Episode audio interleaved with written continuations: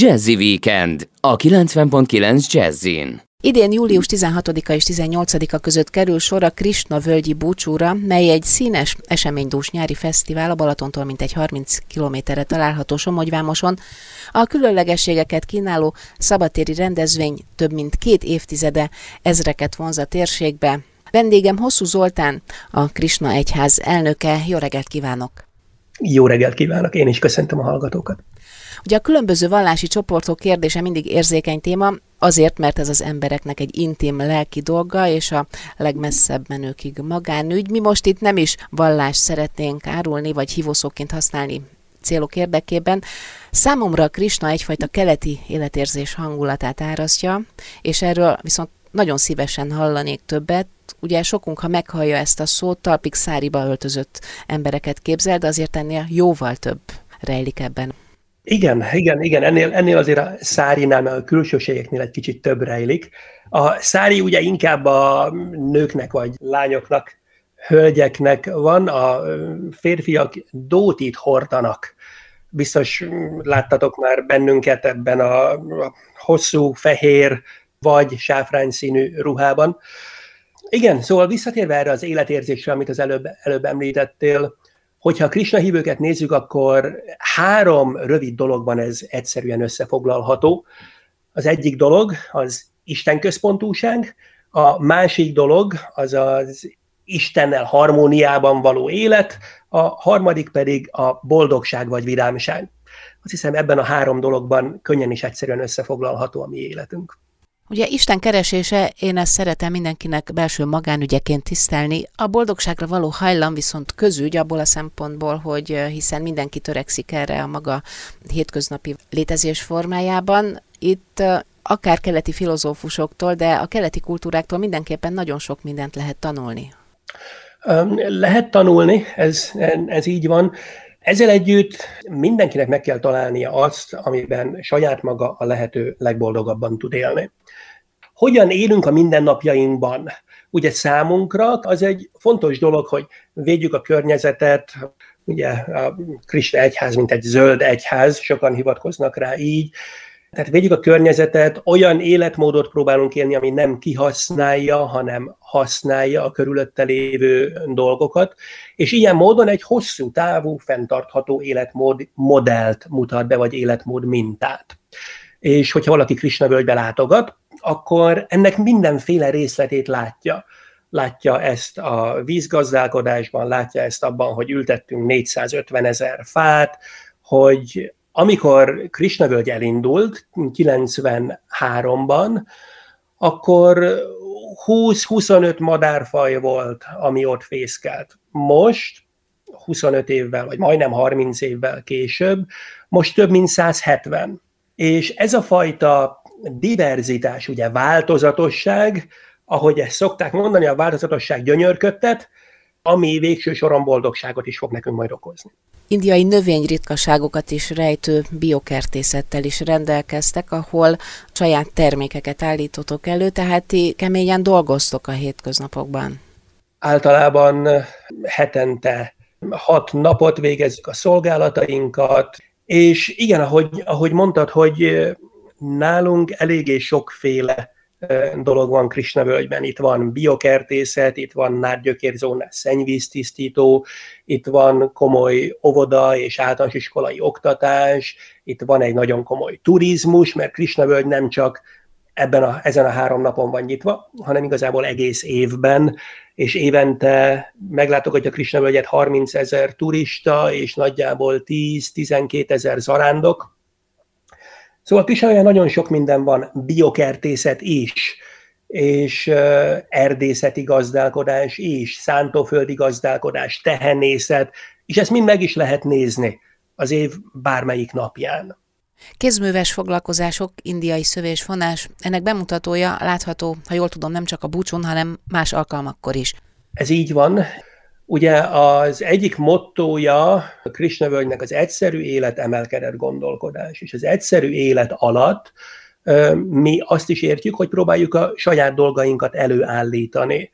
Ezért mi a hagyományos magyar paraszti gazdálkodást próbáljuk gyakorolni, annak eszközeit megőrizni, A Krisnavölgyi szövőműhely az Magyarország egyik hagyományos szövő fellegvárává nőtte ki magát az elmúlt években, ahol, ahol a tilolástól, gerebenezéstől kezdve igazából még kicsit korábban, tehát a, a növény termesztéstől, a len termesztésétől kezdve egészen a feldolgozásáig, a fonásig és szövésig mindent meg lehet nézni, meg lehet tanulni. Ami egy nagyon komoly kutatásnak is az eredménye. De igen, mi próbálunk, próbálunk a kézművességre nagyon nagy hangsúlyt fektetni, illetve az egyszerű életre, aminek az alapja a hagyományos magyar paraszti gazdálkodás. Sok munkáról van szó, önfenntartóak vagytok? Ez, ez mindig, egy, mindig egy érdekes kérdés, hogy az önfenntartás mennyire elérhető egy kisközösség szintjén. Krisnavölgy jelenleg élelmiszerben mondjuk, hogy 80 százalék, talán 80 százalékban önellátó de az önellátást azt eléggé sok szinten lehet nézni. Vannak alapvető szükségleteink, és vannak másodlagos szükségleteink, és az alapvető szükségleteink sem feltétlenül önellátásban elérhetőek egy kis közösség szintjén. Törekszünk arra, hogy a lehető legnagyobb mértékben önellátóvá váljunk, ami élelmiszerben, ivóvízben, vízgazdálkodásban, ebben aránylag könnyen elérhető egy ilyen kis területen, vagy kis közösség szintjén, de ha az építkezés nézzük, ott már az nem annyira egyszerűen elérhető, vagy hogyha az egészségügyet nézzük, ami szintén egy alapvető szükséglet, nem feltétlenül önellátó mindezekben a dolgokban. Habár rengeteg gyógynövényt termelünk, és azokat használjuk is mindannyian.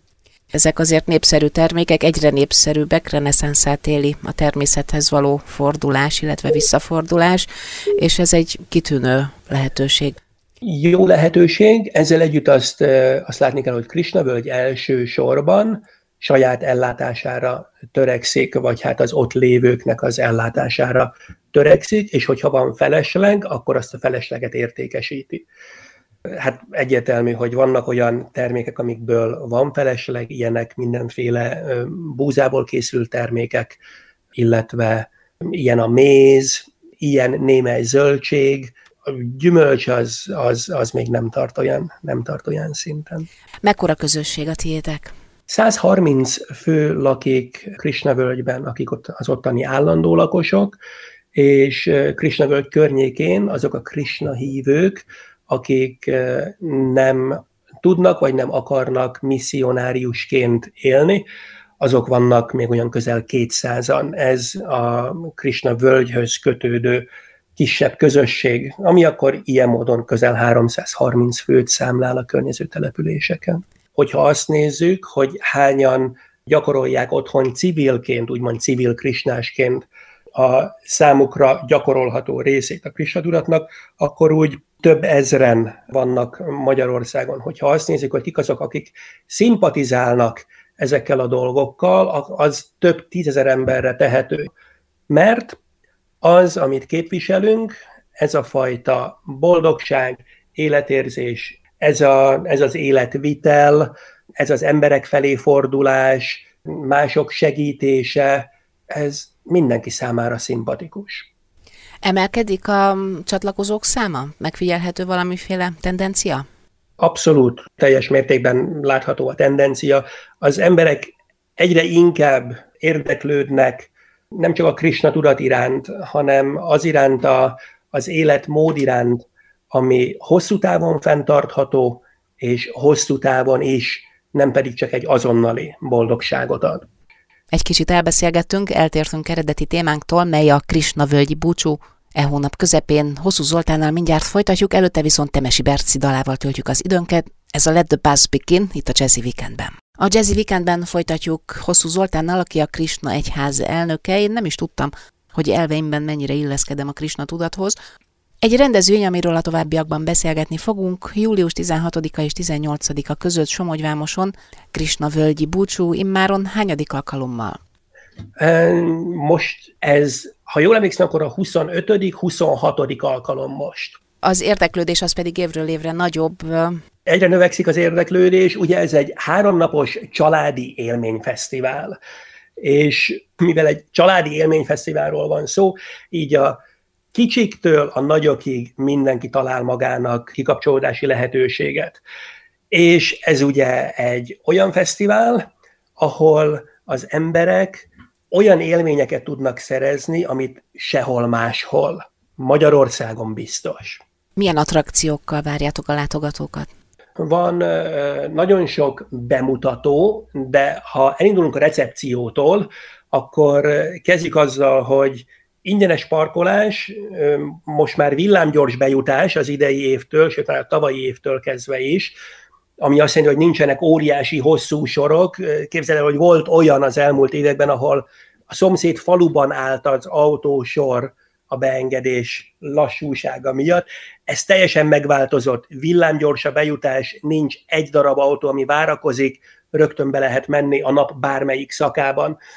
És, és itt aztán van kézműves bemutató, kézműves vásár, ökrész bemutató, itt van színek fesztiválja, szövésfonás bemutató, ki lehet próbálni a vragya kavacsát, ami egy palack kert, annak az elkészítését el is lehet hazavinni, vetítéssel egybekötött úti beszámolók vannak, Himalája lábánál való kalandozás, fesztiválsátor, bölcsességvölgy, szépségvölgye a hölgyeknek, pihenőliget, meditációs ösvény, indiai szentély, és ami általában rendkívül fontos szokott lenni, ez pedig az indiai esküvő, ami szombaton és vasárnap szokott lenni. Ez az egyik leglátogatottabb rendezvénye a Krisnavölgyi búcsúnak, ami után az 1000 négyzetméteres étkező sátorban szintén most már villám gyorsan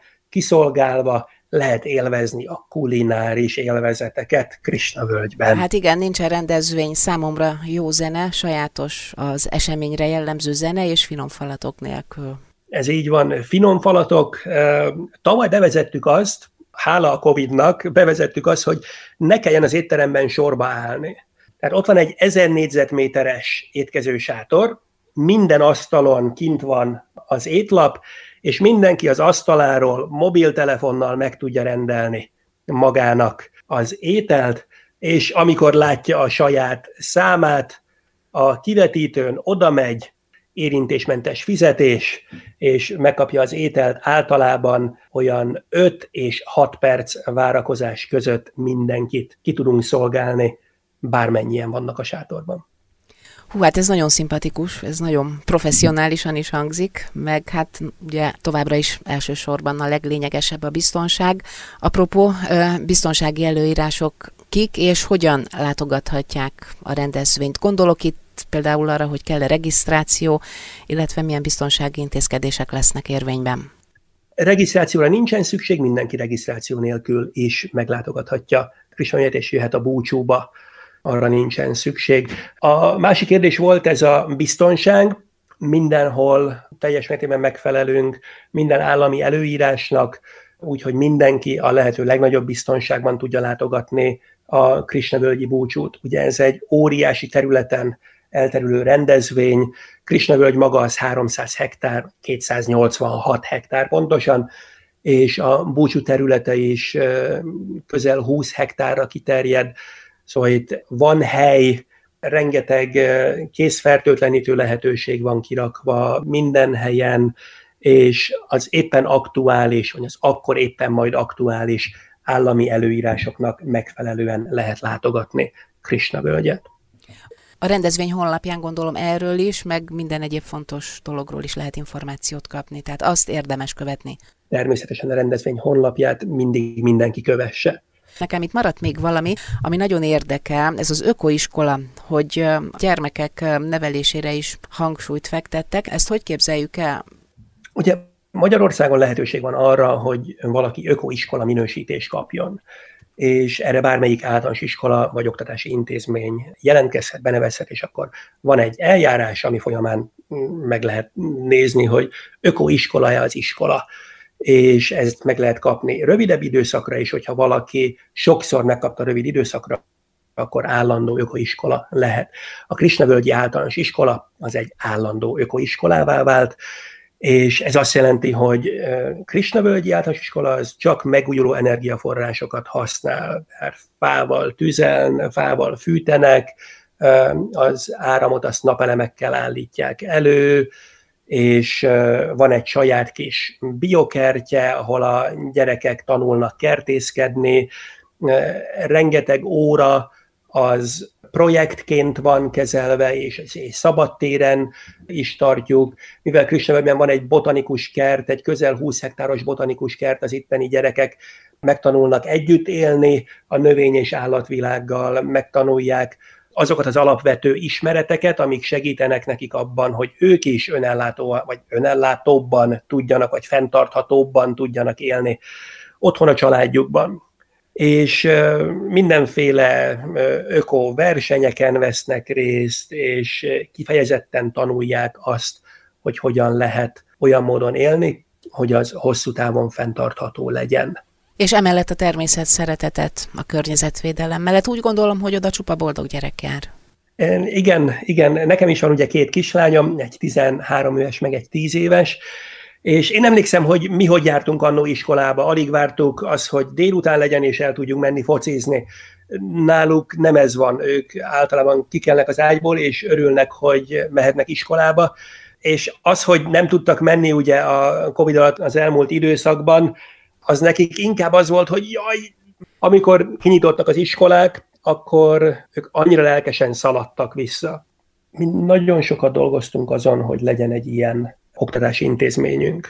Ez egy rendes, akreditált általános iskola, és van egy krisnás kerettanterv, aminek keretében tanulnak a gyerekek, ami némileg nagyobb szabadságot ad a módszertanban és a tanulás részleteiben is. Most dolgozunk egyébként azon, hogy ősztől legyen középiskola is. A kerettanter már akreditálva van, viszont az épület még nincs. Hogyha sikerül akreditálni most a nyáron, akkor szeptembertől már óvoda, általános iskola és középiskola is van Krisna hát szuper. Jó sok mindent megtudtunk a Krisna kultúráról, amit eddig nem is sejtettem, időközben viszont nagyon elszaladt az idő. Köszönjük szépen a tájékoztatást. Hosszú Zoltánnal a Krisna Egyház elnökével beszélgettem itt a Jazzy Weekendben.